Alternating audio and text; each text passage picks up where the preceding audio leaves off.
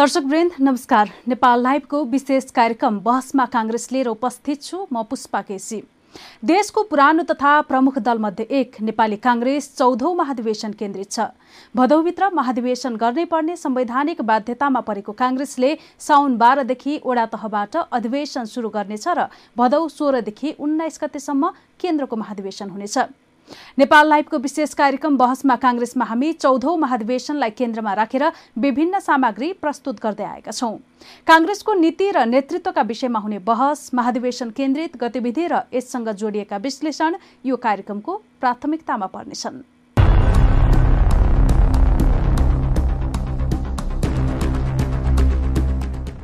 नेपाली काङ्ग्रेसको महाधिवेशन मितिको समय नजिकिँदै जाँदा विभिन्न पदमा उम्मेद्वारका आकांक्षीको संख्या पनि बढ्दै गएको छ। त्यसैमध्ये एक हुन् जनजातिबाट सह महामन्त्रीका आकांक्षी अनुशासन समिति संयोजक एवं केन्द्रीय सदस्य भीष्मराज आङदाम्बे। कार्यक्रम बहसमा काङ्ग्रेसको सुरु गरौं आङदाम्बेसँगको कुराकानीबाट।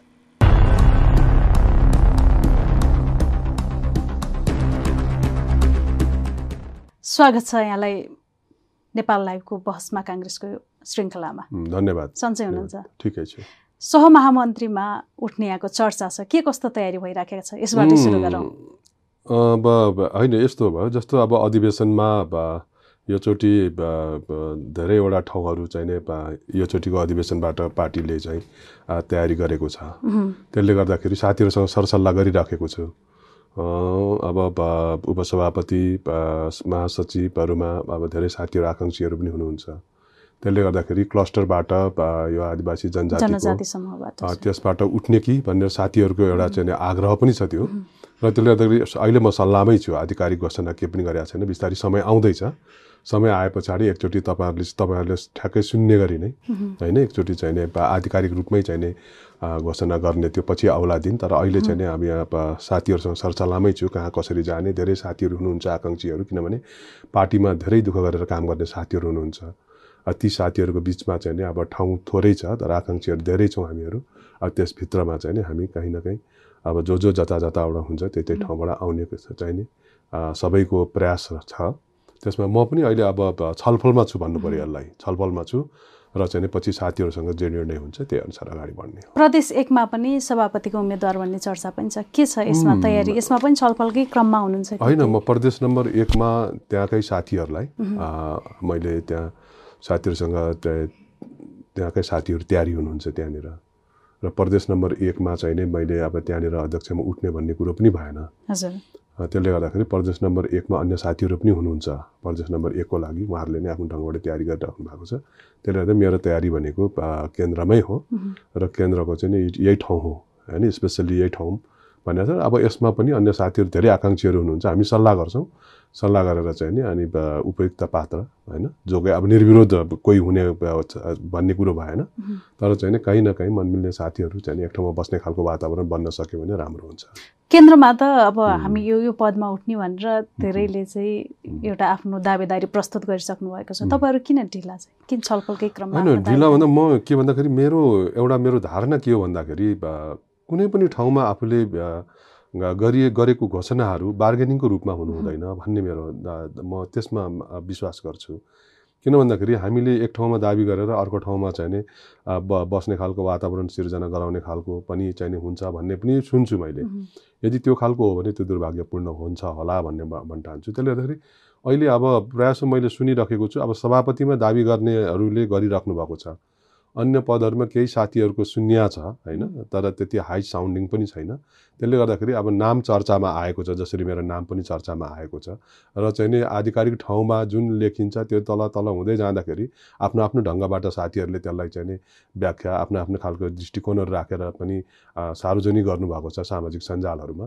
तर चाहिँ मैले फेरि पनि भने कि हामी साथीहरूसँग छलफलमा छौँ र चाहिँ नि अब उठ्न खोजेको ठाउँ त्यही हो होइन? अब त्यसमा चाहिँ छलफल गरिकन उपयुक्त ठाउँ बेलामा आधिकारिक रूपमा हामी म घोषणा गरेर अगाडि बढ्छु। भनेको कि जनजाति समूहबाट चाहिँ सहमहामन्त्रीमा कि भने चाहिँ प्रदेश एकको सभापतिमा होइन होइन सहमहामन्त्रीमा मैले सहमहामन्त्री भने प्रदेशको भन्दा मैले केन्द्रको चाहिँ चौधौँ महाधिवेशनमा केन्द्रबाट चाहिँ नै क्लस्टरबाट रहेको चाहिँ सहमहामन्त्रीमा उठ्ने भन्ने चाहिँ विचार मेरो हो। त्यसरी मैले अघि भने म छलफलमै छु यद्यपि। साथीहरूको आफ्नो आफ्नो विचारहरू सार्वजनिक भएको छ उहाँहरूले चाहिँ नि भन्नुभएको छ भनेर तर घोषणा गर्न बाँकी छ। त्यो घोषणा गरेर चाहिँ नि आउने उपयुक्त समयमा त्यो घोषणा गर्छु र मेरो उम्मेदवारी केन्द्रमै हुन्छ। सभापति शेरबहादुर देउबा निकटको रूपमा यहाँलाई हेरिन्छ। सभा यो उम्मेदवारी दिनुभयो भने उहाँकै समूहबाट एकदम एकदम। त्यसमा त शङ्कै भएन। भेटघाट भएको छ सभापतिज्यूसँग भेटघाट त भेटघाट नि? त्यस्तो त्यस्तो छलफल के पनि छैन। अहिले त्यो त्यो त्यो विषयमा प्रवेशै छैनौँ हामीहरू। अहिले चाहिँ नि जस्तो तपाईँहरूले सोध्नुभयो त के हो त तपाईँको विचार भनेर सोधिदिनुहुन्छ। होइन कतिपय साथीहरूले उपसभापति भन्नुभएको होला कसैले सभापति भन्नुभएको होला कसैले महामन्त्री भन्नुभएको होला। मैले त्यो ठाउँसम्म नपुगिकन मैले आफ्नो पुग्ने ठाउँ चाहिँ नि यहाँनिर हो यो यो योचोटि यहाँनिर गरौँ। किन भन्दाखेरि मैले काम गरिराखेको ठाउँ यहाँनिर जाँदाखेरि ठिकै होला भन्ने पनि हुन्छ। र चाहिँ आउने दिनहरूमा भोलि कसरी जाने भन्ने कुरो भोलिको दिनले तय गर्दै जाला होइन? र आजको मितिमा चाहिँ नि त्यो ढङ्गबाट जाने कि यो चौधौँ महाधिवेशनमा भन्ने छ। त्यसले गर्दाखेरि चाहिँ नि चौधौँ महाधिवेशनमा हामीहरू अब पार्टी सभापतिजी क- प्यानलहरूबाट नै हामीले उठ्ने हो। त्यसभित्र पनि हामी साथीहरूको बिचमा हाम्रो छलफलहरू होला धेरै आकाङ्क्षी साथीहरू हुनुहुन्छ त्यहाँ पनि र दुःखै गरेका साथीहरू हुनुहुन्छ। हामीहरू बिचमा चाहिँ नि छलफल र छलफल गरिकन एउटा निष्कर्षमा हामी पुग्छौँ र जहाँ पुग्छौँ एक एकजना भएर पुग्छौँ।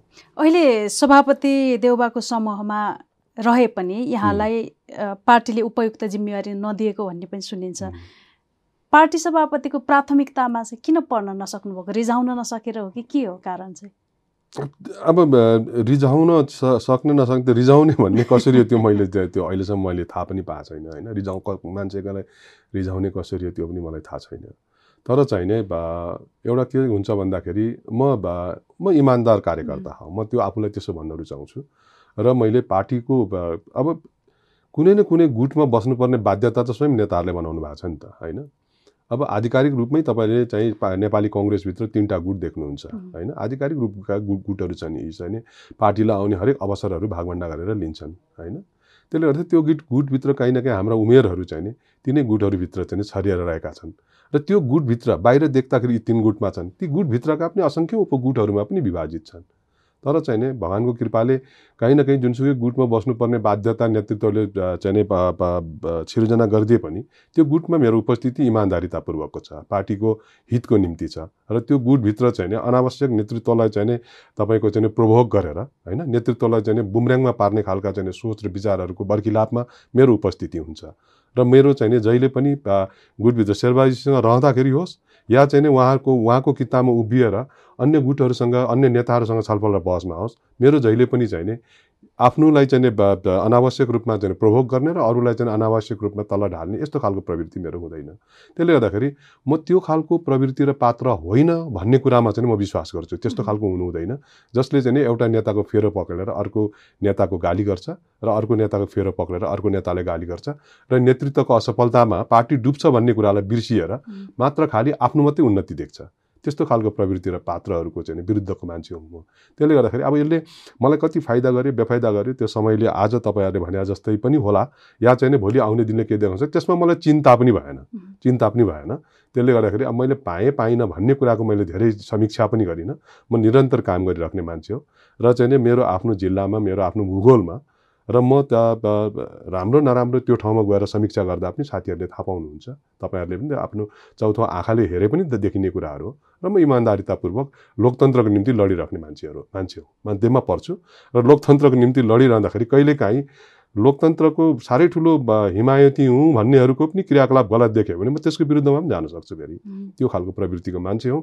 अब यो राम्रो हो नराम्रो हो सफल हुन्छ यसले असफल हुन्छ हुन्छ। यो यो कुराको मैले साह्रै धेरै चाहिँ यस्तो कुराहरूलाई चाहिँ मैले अब अर्थपूर्ण रूपमा लिइनँ पनि मैले। अब गुटकै फेरो समातेर राजनीतिक पार्टीको राजनीति गरिरहँदा त भोलि प्राथमिकतामा नपर्दाखेरि तलै रहने सम्भावना पनि त रहन्छ। अब भनौँ न अब प्राथमिकतामा पर्नु भएन भन्ने सुनिन्छ सभापतिज्यूको। भोलि सहमहामन्त्रीमा अर्कैलाई उठाउने अवस्था आयो भने के गर्नुहुन्छ होइन? अर्कैमा अर्कै उठ्यो भने पनि जस्तो तपाईँ मैले अघि भने पार्टीभित्र आधिकारिक रूपमा तिनवटा गुट छन्। होइन अर्कै मान्छे भयो भने पनि उहाँकै गुटभित्रको कोही होला होइन? त्यसले गर्दाखेरि अब त्यस पछाडि पार्टीभित्रको लोकतान्त्रिक पार्टीभित्रको हिसाबले हेर्ने भने कम्युनिस्टबाट त पक्कै हुन्न। कङ्ग्रेसकै होला। गुट? परिवर्तनको कुरै होइन। गुट परिवर्तन गर्नको निम्ति त विचार बोकेको हुनु पऱ्यो नि कुनै गुटले। मेरो यो एकदम क्लियर भनिरहेको छु मैले तपाईँको च्यानल मार्फत यसमा। विचार गुट परिवर्तनको निम्ति विचार स्पष्ट आउनु पर्यो। र यो गुटभन्दा बि स्पष्ट विचार बोक्ने त्यो गुट भनेर मैले देखाउने ठाउँै प्राप्त प्राप्त गरेको छुइनँ भनेपछि विचारले उन्नत गुट जबसम्म बन्दैन त्यो बेलासम्ममा मैले यो गुट छोडेर त्यहाँ जानु र त्यो गुटको छोडेर यहाँ आउनुको कुनै अर्थै छैन। अहिलेकै गुटको पनि त अर्थ भएन। त्यही त्यही त भन्दैछु। अनि बे अर्थको कोही सबै छन् भने त्यो बे अर्थभित्रकै एउटा अर्थमा बस्यो के बिग्रियो? त्यसले गर्दाखेरि जुन बेलामा विचारले स्पष्ट भएर आउँछ त्यो बेलामा म कुनै पनि गुटमा हुन्न हेर्नु म विचारको पछि लाग्ने मान्छे हो। मेरो आफ्ना विचारहरू छन्। म त्यो विचारले अबको चौधौँ महाधिवेशन निर्देशित हुनुपर्छ भन्ने चाहन्छु म र पन्ध्रौँ महाधिवेशन त्यो विचारले टोटल्ली क्याप्चर होस् भन्ने सपना देख्ने मान्छे हो म। त्यसले गर्दाखेरि यो चौधौँ महाधिवेशनमा यिनै पुराना पुस्ताहरूको उपस्थिति यो हाम्रो बाध्यता हो। कहीँ न कहीँ हाम्रो अकर्मण्यता पनि छ त्यहाँभित्र। कहीँ न कहीँ हाम्रा उमेरहरूले चाहिँ नि यो बिचमा यो दिनसम्म आइपुग्दाखेरि खेल्नुपर्ने भूमिकाहरू चाहिँ नि नेतृत्वहरूको बिचमा चाहिँ नि हामीले खेल्न नसकेको कारणले पनि होला।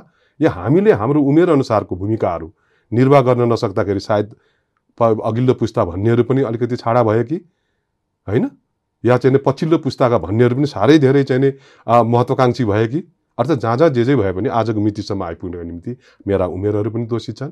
तर अब मैले भोलिको दिन चौधौँ र पन्ध्रौँसम्मको महाधिवेशनको कल्पना गर्दाखेरि टोटली यो उमेरहरूले नेतृत्व कब्जा गरेको सपना बोकेर हिँडेको मान्छे हो। त्यसले गर्दाखेरि विचारले स्पष्ट बोकेको कुनै पनि गुट आउँछ भने म एउटा गुटमा विचारविहीन भएर बस्ने मान्छे होइन त्यो हो। आशा सम्भावना धेरै देखिन्छ। अबको चौधौँ महाधिवेशनलाई लिएर धेरैको चासो छ चिन्ता पनि छ।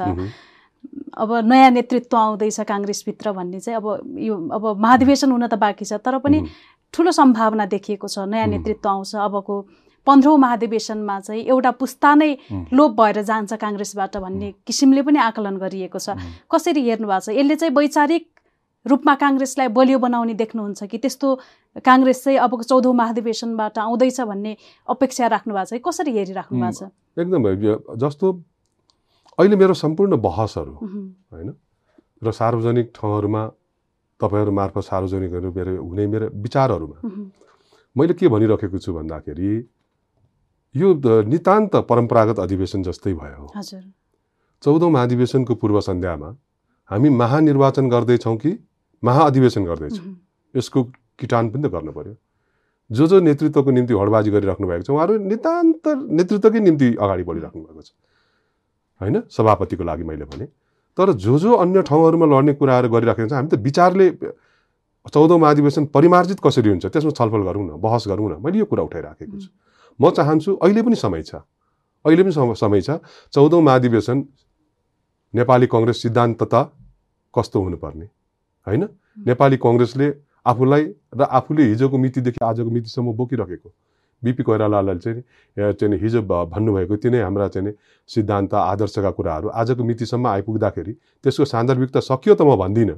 तर कम्तीमा आजको त्यो अहिलेको युथहरू जो चाहिँ मुठीमा संसार बोकेर बसेको छ त्यो युवाहरूको निम्ति हामीले परिकल्पना गरेको कङ्ग्रेस कस्तो हुनुपर्दछ? यो विषयमा छलफल गरौँ बहस गरौँ। समाज त धेरै रूपान्तरित भयो नि। राजनीति त अब हरेक दृष्टिकोणले सामाजिक सांस्कृतिक भौगोलिक हरेक दृष्टिकोणले आर्थिक हरेक दृष्टिकोणले हाम्रो चाहिँ संसार चाहिँ परिवर्तित हुँदै आइराखेको अवस्था छ। त्यसले गर्दाखेरि यो जमानामा नेपाली कङ्ग्रेस कस्तो हुनुपर्दछ? र युवाहरूको आकर्षण बोकेको कङ्ग्रेस कस्तो हुनुपर्दछ? कसरी युवाको आकर्षण हुन्छ? तपाईँहरूका यो तरुण दलकै यो निष्क्रिय छ तरुण दल नै विद्यार्थी सङ्घकै चुनाव हुन सकिरहेको छैन। अन्य सबै जसो भातृ सङ्गठनहरूको चाहिँ चुनावै भइराखेको अवस्था छैन। शुभेच्छुक संस्थाहरूको हालत त्यस्तै छ। काङ्ग्रेसकै पनि संविधानले तोकेको समयसम्म पुगिसकेको छ महाधिवेशनको मिति। यस्तो अवस्थामा कसरी युवा आकर्षण हुन्छन्? कसरी काङ्ग्रेसलाई चाहिँ लोकतान्त्रिक पार्टी मान्न सकिने अवस्था छ? त्यसैले तपाईँहरूलाई चुनौतीको विषय छ नि बुझेँ। त्यसैले त मैले भने त्यसैले अब हामीले छलफल र बहसहरू चलाउनु पर्छ यस्तो धेरै तपाईँले हेर्नु त यति धेरै क्वेसन उठाउनु भएको छ। यो हरेक ठाउँमा उठ्छन् क्वेसन तपाईँले नउठाउँदाखेरि मेरो मनभित्र पनि उठ्छ। म आफूलाई आफूले आफूलाई सोध्ने प्रश्न पनि यही हो। त्यसैले हामी चाहन्छौँ कि चौधौँ महाधिवेशन पुग्दै गर्दाखेरि यी सम्पूर्ण विषयवस्तुहरूमा छलफल र बहस गरौँ न। खालि महानि निर्वाचनको निम्ति निर्वाचन मात्रै किन गरिरहेको निर्वाचनको अधिवेशन जस्तो भइराखेको छ खालि निर्वाचन गर्ने खालको मात्रै। अधिवेशनमा त नीति तथा कार्यक्रमहरूमा छलफल र बहसहरू हुनु पऱ्यो नि। नीति र छल नीति तथा कार्यक्रमहरूमा छलफल र बहस गरिकन त्यसको निष्कर्षमा उभिएर यो पार्टीको सोच हो भनेर हिँडेको कङ्ग्रेसले पो भोलि होइन एउटा टुङ्गो प्राप्त गर्छ भन्ने हाम्रो हाम्रो सोच हो नि त। त्यसले गर्दाखेरि निर्वाचन पनि जाने हो किनभने निर्विकल्प त हुँदैन हेर्नुहोस् यति धेरै प्रतिस्पर्धा छ। तर निर्वाचनमा जाँदै जा जाँदै गर्दाखेरि कि निर्वाचन अगावै कि निर्वाचन पछाडि कार्यतालिका बनाएर हामी चाहिँ कङ्ग्रेसको चाहिँ नीति तथा चाहिँ कार्यक्रमहरूमा सैद्धान्तिक ब छलफल गर्छौँ बहस गर्छौँ भनेर चाहिँ हामीले गर्छौँ र बहस गर्न जरुरी छ। त्यही नभएको कारणले गर्दाखेरि त्यही नभएको त्यही परम्परागत त्यही पुरानो शैलीबाट खालि नेतृत्व चयन गर्ने बाँकी छोडिदियो। यही गरेको कारणले गर्दाखेरि आज तरुण दल त्यही ठाउँमा छ नेभी सङ्घ त्यही ठाउँमा छ र सबैलाई भाग पुगेको छ चुप लाएर बसेको छ हेर्नु होइन देखिया छ सबैले दुई तिनजनाले चलेको छ र पनि सबैको भाग त्यहीँ पुगेको छ भाग पुगेपछि सबैलाई आनन्द छ। किनभने असङ्ख्य गुटभित्रको चिन्ता छैन कि यहाँ। गुटभित्र हुने उपगुटहरूको व्यवस्थापनलाई व्यवस्थापन गर्न नसक्दाखेरि गुटलाई नेतृत्व गर्ने नेताहरू आज जसरी चाहिँ चाहिँ बाहिर चाहिँ देखा पर्नुभएको छ। त्यसले पनि चाहिँ समस्या ल्याइराखेको छ क्या। त्यसले गर्दाखेरि। अब सभापति शेरबहादुर देउबा नै पुनः सभापतिको दावेदारी गरिराख्नु भएको छ। निश्चित जस्तै छ उहाँ सभापतिमा उठ्नलाई। अब अहिले असफल भइराखेको अवस्थामा उहाँ नै आएपछि के परिवर्तन हुन्छ? विचारमा परिवर्तन हुन्छ काङ्ग्रेसको? म एउटा कुरा म के भन्नु भन्दा जस्तो तपाईँको बडो म आधारपूर्वक म तपाईँको प्रश्नमा कहाँ सच्याउँ भन्दाखेरि उहाँलाई उहाँ अहिले असफल भयो भन्ने कुरामा म थोरै असहमत छु। किन भन्दाखेरि पार्टी आज यो जुन ठाउँमा आइपुगेको छ यसको पृष्ठभूमिमा पृष्ठभूमिमा कोही एउटाको मात्रै दोष छैन। मैले अघि भने नि म आफू पनि त्यसमा दोषी छु। तर चाहिँ नि नेतृत्वकर्ताको हैसियतले पार्टी सभापतिजीले चाहिँ बढी उहाँले जिम्मेवारी लिनु लिनुपर्छ। लिनु पर्छ। यसमा कुनै शङ्का छैन। र त्यो अरूले भन्दा पनि सबभन्दा बढी भन्ने मै मान्छे। हो। त्यसको जिम्मेवारी उहाँले लिनै पर्दछ। तर यो पार्टी त्यही भागवण्डामा चल्या पार्टी हो नि त। होइन? साठी र चालिस त देखि देखिने चिज हो नि। त्यसले गर्दाखेरि साठी उनले लिन्छ भने चालिस लिनेले म होइन भन्न पाइन्न। र त्यो साठी र चालिस लिनको निम्ति आफू पर्नको निम्ति नेतृत्वलाई उस उस्काउने जो आफूलाई प्रभावशाली भन्टाउँछौँ प्रभावशाली नेता भन्ने भन्दाखेरि चाहिँ नि बडो गजक्क पर्ने हाम्रो जुन प्रवृत्ति छ हामी त्यो खालका पात्रहरूले पनि ममा चाहिँ गर्नुपर्छ। ममा त गर्नु पर्यो कि मैले मेरो गुटको नेतालाई चालिस लि भनेर त मैले बाध्य बनाएँ नि। किन भन्दाखेरि त्यो चालिसभित्र त्यो गुटको प्रभावकारिताको हिसाबले फर्स्टमा म पर्छु भन्ने लोभ त उसलाई पनि छ। त्यस्तै अरूलाई पनि होला नि। त्यसले गर्दाखेरि असफलता आज यहाँसम्म पार्टी आइपुग्दाखेरि जसरी चाहिँ मुलुक र मुलुकको राजनीतिलाई ड्राइभ गर्नु पर्दथ्यो त्यो नसक्नुको पछाडि धेरै चाहिँ अब अम्ली ठड्याउनेहरू ठाउँ छ। तर अम्ली ठड्याउँदै गर्दाखेरि अम्ली ठड्याउने अन्य ठाउँबाट ठड्याएको औँलीका प्रति त सम्मान व्यक्त गर्न सकिएला तर पार्टीभित्र उठ्ने अम्लीहरूले एकचोटि अरूलाई देखाउँदाखेरि चारवटा अम्लीले मलाई पनि देखाउँदैछ भनेर समीक्षा चाहिँ गर्नुपर्छ समीक्षा चाहिँ गर्नुपर्छ। किनभने चालिसको दोष त उसले पनि भोग्नुपर्छ नि। त्यसले गर्दाखेरि यदि यसो नहुन्थ्यो भने गुट उपगुटको राजनीतिबाट बाहिर निस्केर साँच्चै आफूलाई मात्रै निर सदैव एकचोटिको लागि सपना देख्छ मान्छेले। तर एकचोटि सपना देखेर निरन्तर त्यसैमा बसिरहन्छु भन्ने खालको जुन प्रवृत्ति र पात्रहरू हाबी भएर गयो पार्टीभित्र त्यस्ता हालले चाहिँ नि एकचोटि समीक्षा चाहिँ गर्नुपर्छ। अरूलाई दोष दिँदै गर्दाखेरि म पनि त्यसमा दोषी छु। अब एकले अर्कालाई दोष दिएर होइन चौधौँ महाधिवेशनबाट नयाँ सोच। कम्तीमा पनि अहिलेको हकमा मैले यति भनौँ कि नयाँ र पुरानाको भरोसा र विश्वासमा उठेको। उम्। जुर्मुराएर उठेको पार्टी म त्यो देख्न चाहन्छु। चौधौँ तर पुरानो प्रति त आम जनता र ठुलो सङ्ख्यामा कार्यकर्तालाई पनि भरोसा छैन अब। त्यसै त कसरी? त्यसैले त्यसै अधिवेशन। अहिले म तपाईँलाई भनौँ अहिलेको क्रियाशील वितरण। अहिले जति पनि गएको छ सेभेन्टी पर्सेन्ट युथहरूले पाएको छ। सेभेन्टी पर्सेन्ट युवाहरूले पाएको क्रियाशीलताले प्रतिनिधि पनि त युवै आउँछ नि त। त प्रतिनिधि तपाईँको साठीदेखि पैँसठी प्रतिशत युवा प्रतिनिधिहरू आउँदैछ भने त्यो प्रतिनिधिले फेरि पुरानालाई भोट किन हाल्नु नहाल्नुहोस्। नयाँ युवाहरूलाई भोट हाल्नुहोस् न सकिएको नि कुरा। किनभने हामी त अधिवेशनमा जाँदैछौँ नि। अधिवेशनमा तपाईँलाई जसले जसरी प्रभाव पारोस् भोट त तपाईँले हाल्ने हो नि त। त्यो चाहिँ गोप्य मतदान त तपाईँले गर्ने हो नि। त्यहाँनिर युवाहरूलाई प्राथमिकता दिनुहोस्। किन न नदिने? अनि ठुल्ठुलो युवाको कुरा गर्ने युवालाई नै पत्या नपत्याउने कस्तो हुन्छ युवा उमेरहरू? उम्, र म युवाको उम्मेद्वार हुने तर युवाकै प्रति मलाई भरोसा छैन। सिक्सटीदेखि सिक्सटी फाइभ पर्सेन्ट युथहरू आउँछौँ आउँछ प्रतिनिधि भनेर मै भनिराखेको छु। तर मलाई नै डर छ कि युवाले मलाई भोट दिँदैन भन्ने। यो अविश्वास त हामीमाथि नै छ नि। हाम्रै उमेरहरूमाथि हाम्रै उमेरको अविश्वास छ। भरोसा छैन।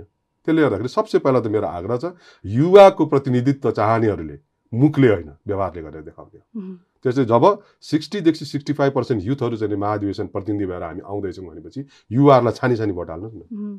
युवामा पनि काङ्ग्रेसभित्र एउटा मजाकको विषय पनि रूपमा पनि लिन्छन् कि कपाल फुलिसकेको हुन्छ होइन? उमेरले साठी नागिसकेको हुन्छ तर पनि युवै हुन्छ काङ्ग्रेसमा। नेतृत्व भन्ने पनि त्यसरी पनि यस्तो अब यसमा धेरै सैद्धान्तिक बहस त म नगरौँ होइन। युवाको अन्तर्राष्ट्रिय मापदण्डको विषयमा पनि म कुरा नगरौँ। तर चाहिँ कम्तीमा पनि हाम्रो राजनीतिमा र रा- राजनीतिमा यो उमेरहरू चल्छन्। होइन यति- यतिको उमेरलाई चल्यो नै भन्नुपर्छ। तर चाहिँ कस्तो भन्दाखेरि विचारले परिपक्व भएर आयो भने त जुनसुकै उमेर पनि ग्राह्य हुन्छ। विचारले असफल भयो भन्ने खालको चाहिँ मानसमा पर्यो भने त्यो दुर्भाग्य हो। त्यसले गर्दा आजको मितिमा म यो विषयमा जानु भन्दाखेरि पनि म त के भन्छु भन्दाखेरि नयाँ उमेरहरू जो। चाहिँ नि आज तपाईँको अठारदेखि चालिसको उमेरहरू छ उनीहरू परिपक्व भएर चाहिँ सकारात्मक हस्तक्षेप पार्टीमा गर्नुहोस्। यसले भएन भने हाम्रो उमेरहरूले पार्टीमा हस्तक्षेप गरौँ होइन भएन भने पनि कसरी हुनसक्छ नयाँ र पुरानोको बिचको चाहिँ नि एउटा चाहिँ सुमधुर भरोसा र विश्वासको पार्टीमा रूपान्तरित गरेर साह्रै धेरै युवाहरूको चाहिँ नि केन्द्रीय कार्य समितिहरू चाहिँ पदाधिकारीहरूमा उपस्थिति जनाइदिएर त्यो खालको पार्टी बन्यो भने पनि चाहिँ तपाईँको पन्ध्रौँमा अधिवेशन सुखद हुन्छ भन्ने मलाई लाग्छ। अब अहिले क्रियाशील सदस्यता छानबिन समितिले लगभग आफ्नो कामलाई अन्तिम चरणमा पुर्याइसकेको छ यो। क्रियाशील सदस्यताको विवादको कामलाई। तर पनि समितिले आफ्नो काम सक्नै लाग्दा पनि महाधिवेशन नहोला कि भन्ने अर्को आशंका पनि छ कसरी लिनु भएको छ यसलाई अहिलेसम्म पनि आशंकै छ अब यस्तो छ अब जस्तो हाम्रो क्रियाशील बिस गते भन्ने थियो त्यो तिस गतेसम्म उहाँहरूले समय। मागेको अवस्था थियो र र आज पनि चाहिँ आज पदाधिकारीहरूको बैठक बसिरहेको छ बालवाटारमा र पदाधिकारीको बैठकमा चाहिँ नि अब यो क्रियाशील छानबिन समिति। र निर्वाचन समितिका सबै साथीहरू होइन? र पदाधिकारीहरू र भूपू र वर्तमान। पदाधिकारी बसेर छलफलमा हुनुहुन्छ। र अहिलेसम्म तपाईँको करिब सात आठवटा जिल्लाहरूमा चाहिँ नि क्रियाशीलको विवादहरू जिउँका तिउँ छ यद्यपि सात आठवटा जिल्ला भनेपछि अधिकांश जिल्लाहरू सम्पन्न भयो। उनसत्तरी जिल्ला चाहिँ सम्पन्न भएको अवस्था छ। त्यसले गर्दाखेरि अधिवेशन हुँदैन भन्नेमा अब करिब करिब त्यो दुविधा हटेको अवस्था छ। होइन? अलिकति कार्यतालिका भने अब जस्तो वार्ड र गाउँपालिका अ, हरूको चाहिँ दुई तिन दिन तलमाथि हुन सक्ला। तर अधिवेशन नै नहुने भन्ने कुरो। छैन। अधिवेशन हुन्छ। अब समय प्रतिकूल रहेका कारण सहमति वा विशेष महाधिवेशनको चर्चा पनि चलिराखेको छ। त्यो शीर्ष नेताहरूको तहमा पनि त्यो कुराहरू चलिराखेको छ। यो कति सम्भव छ? होइन अब हेर्नु परिस्थिति आफ्नो हातभन्दा बाहिर छ तपाईँको चाहिँ कल्पनाभन्दा बाहिरको छ भने त परिस्थिति र त्यो खालको विपत्तिहरूबाट त कसैको केही लाग्दैन होइन। तर अहिलेसम्मको अवस्था हेर्दाखेरि पार्टीले अधिकतम अधिवेशन सम्पन्न गराउनको निम्ति अधिकतम सहजता के हुन सक्दछ त्यसको खोजी गरिराखेको छ होइन त्यसले गर्दाखेरि अहिले मलाई लाग्छ अब त्यही खालको अवस्था भयो भने फेरि पार्टीभित्र बसेर कसै एउटाले निर्णय गरेर हुँदैन यो। हेर्नुहोस् होइन पार्टीमा बसेर सबै साथीहरूसँग छलफल गरिकन के गर्ने भन्ने कुरा भोलिको दिनले टुङ्गो लगाउला। तर आजको मितिमा म त्यो खालको अवस्था मैले देखिराखेको छुइनँ र चाहिँ कम्तीमा पनि हामी वाडा पालिका होइन क्षेत्र नगर जिल्ला हुँदै हामी त्यो ठाउँहरूमा चाहिँ अधिवेशनहरू सम्पन्न गराउँछौँ र सम्पन्न गराउने दिशातर्फ करिब करिब अब काम कुरो सकिँदै आएको हिसाबले त्यो ठाउँमा हामी पुग्छौँ भन्ने कुरामा हामी विश्वस्त छौँ र त्यस पछाडिको अवस्थामा फेरि केही समय रहन्छ हामीसँग त्यस विषयमा चाहिँ फेरि हामी छलफल गरेर अगाडि कसरी बढ्ने भन्ने कुराहरू निर्क्यौल होला अब संस्थापन पक्षबाट सभापति शेरबहादुर देउबाको दावेदारीसँगै हुँ। विमलेन्द्र निधिले पनि।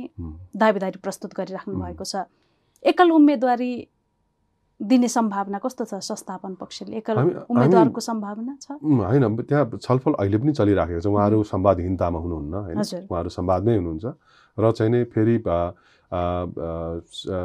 अहिले पार्टी सभापतिजी अहिले हाम्रो जुन तपाईँको चाहिँ नि भन्नुभयो चाहिँ संस्थापनपट्टिबाट। र शेरबाजी पछाडि उहाँको उत्तराधिकारीको रूपमा चाहिँ हिजोदेखि चाहिँ नि साउन्डिङ हुँदै आएको नाम है बिमलेनजी नै हो होइन? त्यसले गर्दाखेरि उहाँको चाहिँ नि उहाँ नै हो त्यहाँको उत्तराधिकारीको रूपमा शेरबाजीले उत्तराधिकारीको रूपमा चाहिँ नि उहाँ देखा पर्दै आउनुभएको पनि हो। त्यसले गर्दाखेरि अधिवेशन आउने दिन अझै बाँकी छ होइन? त्यो दिनसम्म पुग्दाखेरि कहीँ न कहीँ उहाँहरूको बिचमा चाहिँ नि प्याचअप हुन्छ उहाँहरू बिचमा छलफल हुन्छ र चाहिँ नि एउटा टुङ्गोमा पुग्छ भन्ने कुरामा म त विश्वस्त छु। तर अहिले बाध्यता के छ भन्दाखेरि सबै उहाँहरूको उमेरहरूले चाहिँ नि अधिवेशन चाहिँ नि अधिवेशनमा उम्मेदवारी घोषणा गरिराखेको छ। र गरिराख्नु भएको बेलामा चाहिँ नि उहाँहरूको उमेरहरू पछि बस्ने अवस्था पनि छैन।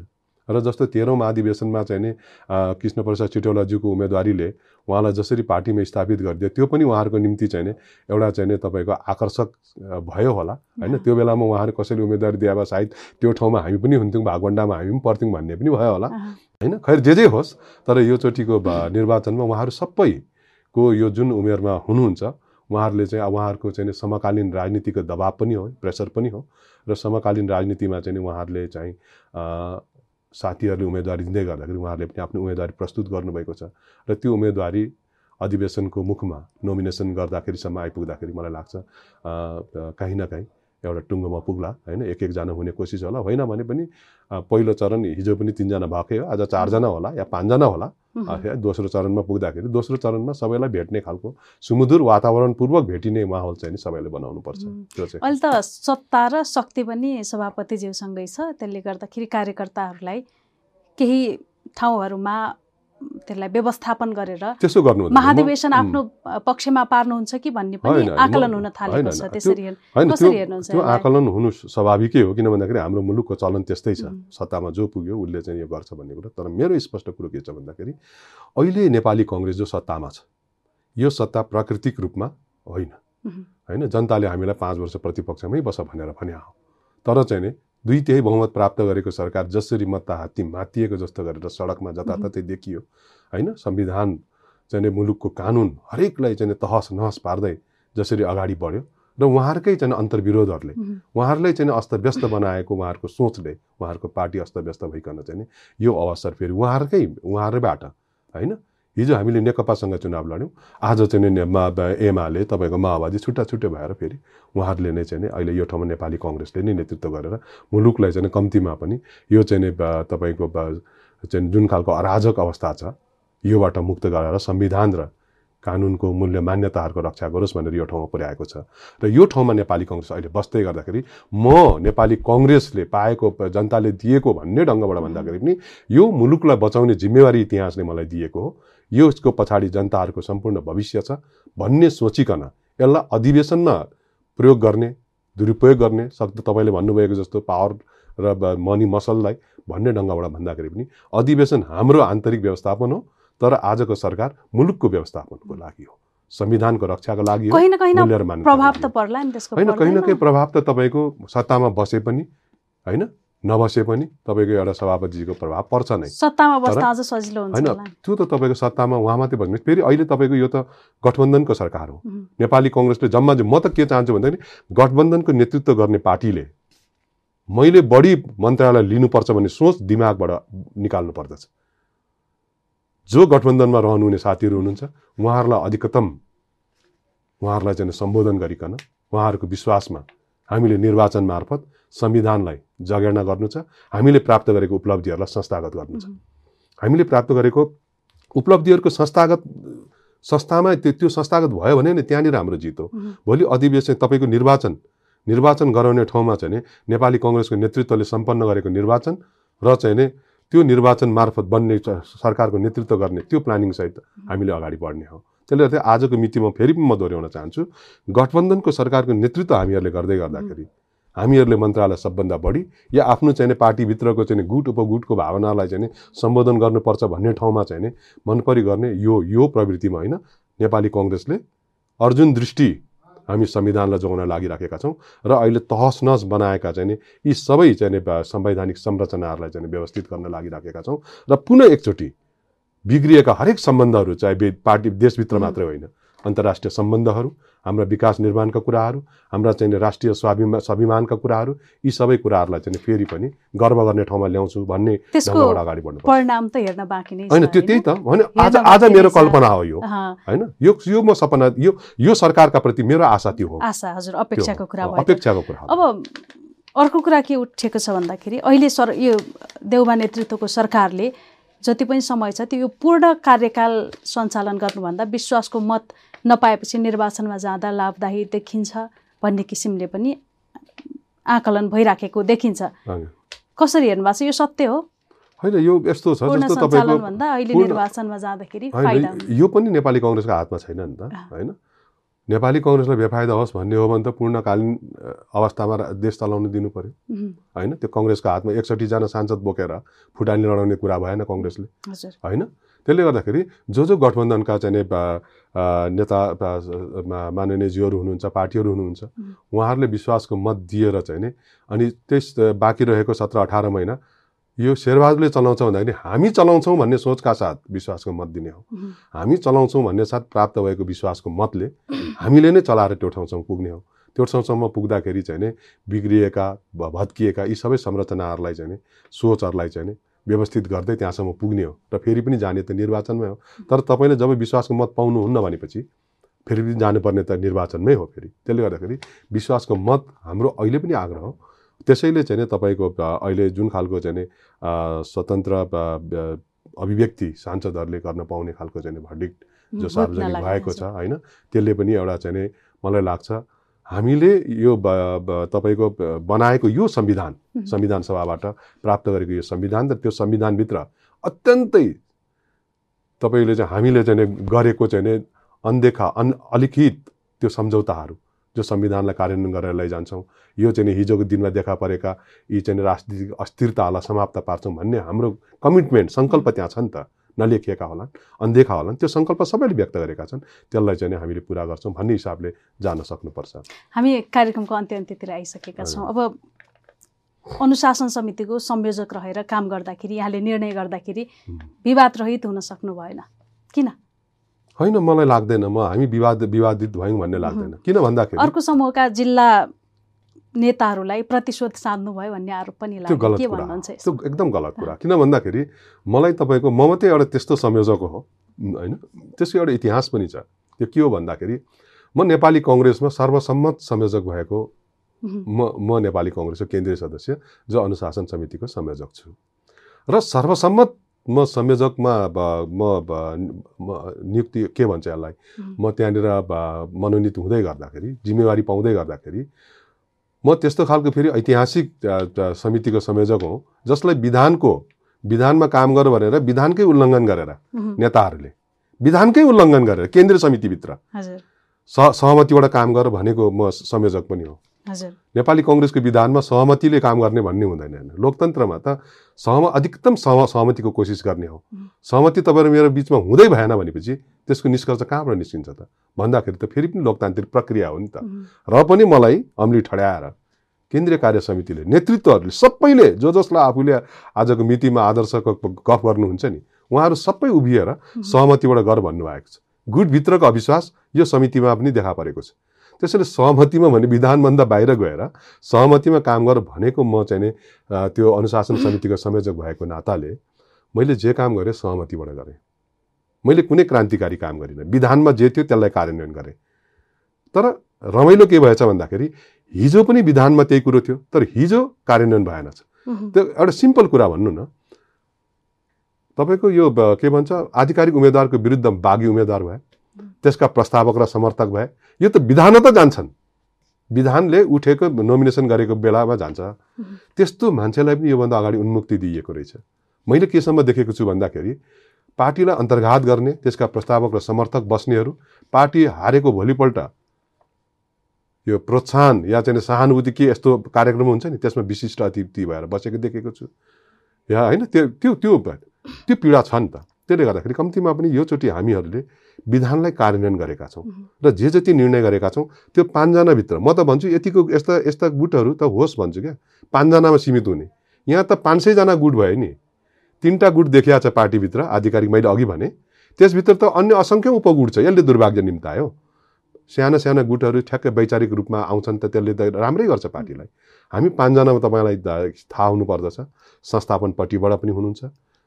वरिष्ठ नेतापट्टिबाट हुनुहुन्छ। सिटोलोजीपट्टिबाट हुनुहुन्छ। है? अनि उहाँहरू सबै बसेर हामीले सहमतिमा निर्णय गरेका छौँ। अब भन्नुहोस् कुन चाहिँ समूह समूहको चित्त बुझ्यो दुख्यो? त्यो त उहाँले आफ्नो गुटमा गएर भन्न पर्यो नि। होइन उहाँहरूको गुटको एकजना मात्रै मान्छेले मिटिङमा आउँदिन भन्यो भने केन्द्रीय सदस्य जो समि अनुशासन समितिको सदस्य हुनुहुन्छ उहाँहरूले आउँदिन भन्यो भन्नुभयो भने पनि मैले मिटिङ राख्दिनँ थिएँ। र उहाँहरूले आएर आफ्नो कुरा राखेर असहमति जनाउनु भयो भने पनि त्यसलाई बहुमतको नाममा म निर्णय प्रस्तुत पनि गर्दिनँ थिएँ। भनेपछि आज जे गरेका छौँ त्यो सहमतिबाट गरेका छौँ र त्यो सहमति व्यक्तिगत रूपमा हामी होला। ल म एकछिन संयोजक मलाई बाहिर राखिदिनु होला होइन? मेरो भूमिका तटस्थ रह्यो होला भन्नुहोस्। तर जो सदस्य हुनुहुन्छ उहाँहरूले सहमतिमा गर्नुभएको छ र त्यो सहमति शेरबहादुरजी रामचन्दजी कृष्ण सिटौलाजीलाई थाहा नभइकन गरे होला। त्यसले गर्दाखेरि जति गुनासो गर्नुभएको छ उहाँ कुन गुटमा पर्नुभयो त्यही गुटको नेतालाई गएर भन्नुहोस्। तर हामीहरूले त्यो तपाईँहरूको जुन जुन गुटबाट नेताहरू हुनुहुन्छ उहाँहरूले पठाएको हामी सदस्यहरू बसिकन पाँचजना बसेर सहमतिमा कार्यान्वयन गरेका छौँ। त्यसले गर्दाखेरि त्यसरी बुद्ध राम्रो हुन्छ भन्ने लाग्छ। हुन्छ समय र विचारको लागि धेरै धेरै धन्यवाद। धन्यवाद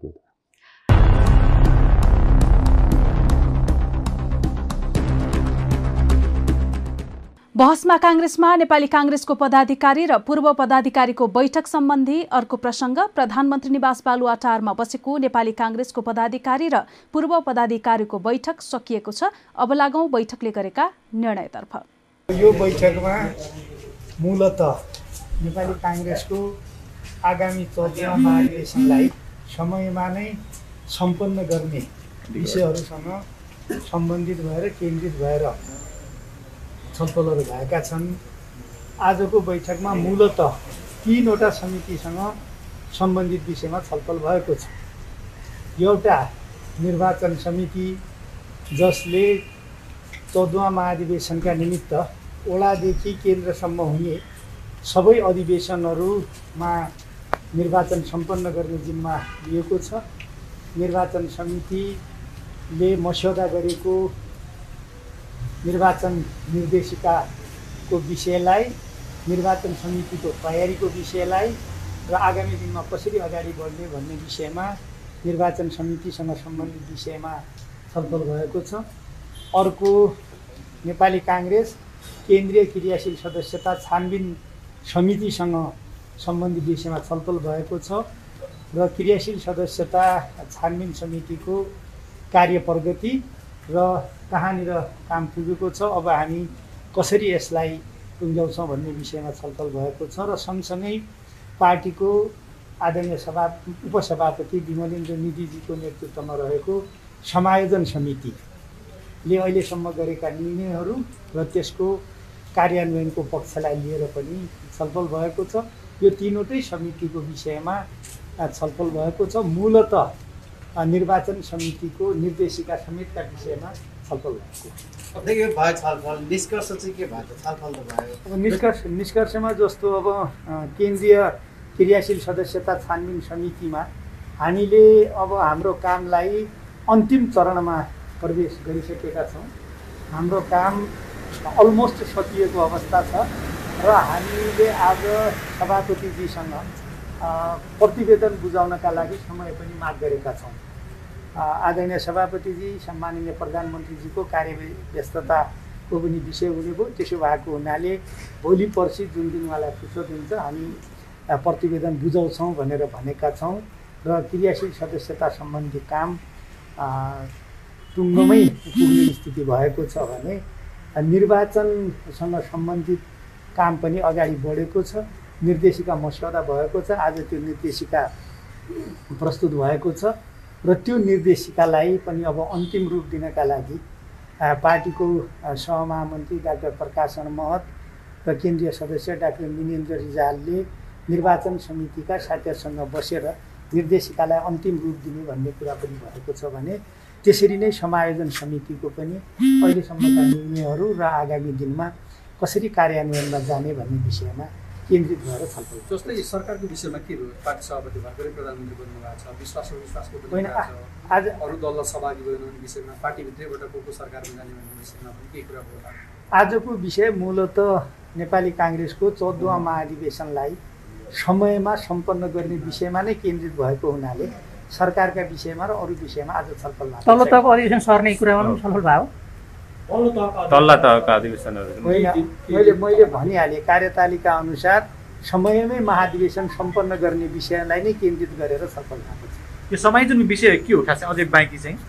अनि समायोजन भनेको अब मूलत अहिले विभिन्न राजनीतिक दलबाट नेपाली काङ्ग्रेसमा नेताहरू विभिन्न व्यक्तिहरूको प्रवेश भएको अवस्था छ यहाँहरूलाई थाहा छँदैछ जस्तो एउटा पाटो त नेपाल लोकतान्त्रिक तत्कालीन नेपाल लोकतान्त्रिक फोरमको समायोजनको विषय छ त्यो त करिब करिब टुङ्गोमा पुगिसकेका छ भने जस्तो अहिले पार्टीको सहमहामन्त्री हुनुहुन्छ सुनिल बहादुर थापाजी सहित राप्रपाको धेरै मानिसहरू काङ्ग्रेसमा प्रवेश गर्नुभएको छ। त्यसरी नै अरू ठाउँमा पनि विभिन्न राजनीतिक दलबाट मानिसहरू प्रवेश गरेको अवस्था छ।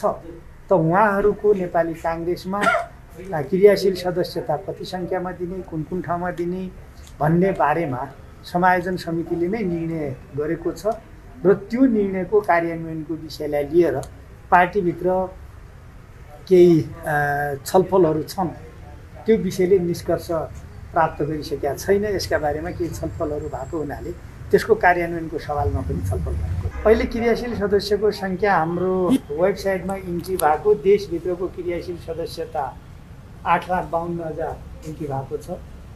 र विदेश स्थित नेपाली जनसम्पर्क समिति समेतको क्रियाशील सदस्यतालाई यसमा समावेश गर्दाखेरि झन्डै नौ लाखको सङ्ख्यामा यो पुग्छ।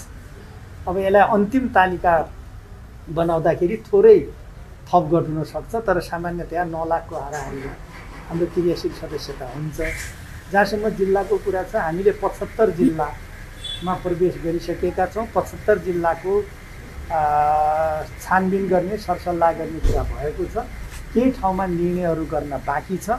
तर एक सरो हामीले पचहत्तर जिल्ला हेरिसकेका छौँ। र ती पचहत्तर जिल्लामा अब केही ठाउँमा जुन निर्णय गर्न बाँकी छ त्यो निर्णय चाहिँ त आज भोलिमै हामी गरेर प्रतिवेदन प्रस्तुत गर्न तयारीमा छौँ। दुईवटा जिल्ला खास गरेर सप्तरी र बारा। दुईवटा जिल्लामा यो पार्टीको आन्तरिक समायोजनको विषय नै केही विवाद थियो। त्यसो भएको हुनाले क्रियाशील सदस्यताको नवीकरण र वितरणको प्रक्रिया नै त्यहाँ ढिलो भयो। र त्यसमा इन्ट्री गर्ने हुनाले हामीले केही दिन पहिला मात्रै कागजातहरू प्राप्त गरेका छौँ। त्यस कारण त्यो दुई जिल्लामा समयको अभावमा प्रवेश गर्न सकेका अवस्था छैन।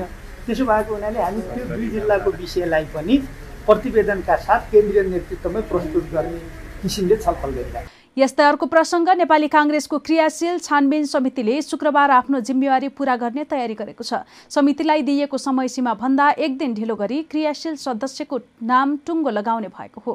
समितिमा समाधान निस्कन नसकेका क्रियाशील सदस्यको हकमा भने शीर्ष तहलाई जिम्मेवारी दिइने भएको छ। सप्तरी सिराहा र बारा जिल्लाको क्रियाशील सदस्यताको विवाद समितिले टुङ्ग्याउन सकेको छैन। पुरै जिल्लाभर विवादित रहेको तीन जिल्ला भएको बताइएको छ। अन्य केही जिल्लाका ओडा समेतमा विवाद छ।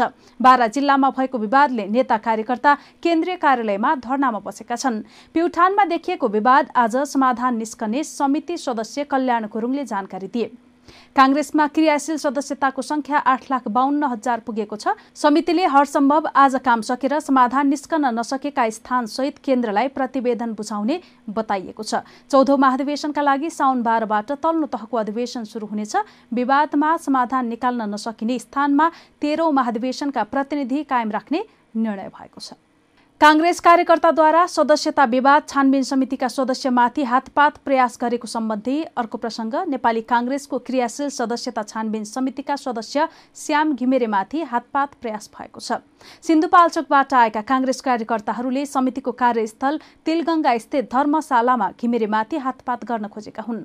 पूर्व मन्त्री मोहन बस्नेत निकट जिल्ला नेताको नेतृत्वमा आएको टोलीले घिमिरेमाथि हातपात प्रयास गरेको हो। आसन्न जिल्ला महाधिवेशन संस्थापन पक्षबाट सिन्धुपाल्चोक सभापतिमा उम्मेद्वारी घोषणा गरेका हरिशरण श्रेष्ठको नेतृत्वमा आएको समूह आक्रमणमा उत्रिएको हो। क्रियाशील सदस्यता छानबिन समितिका सदस्य घिमिरे पनि संस्थापन पक्षका हुन्। आफ्नै समूह भएर पनि जिल्लामा आफू निकटका क्रियाशील सदस्यलाई लिएर विवाद निकालेको आरोप लगाउँदै घिमिरेमाथि कार्यकर्ताहरू आक्रमणमा उत्रिएका हुन्।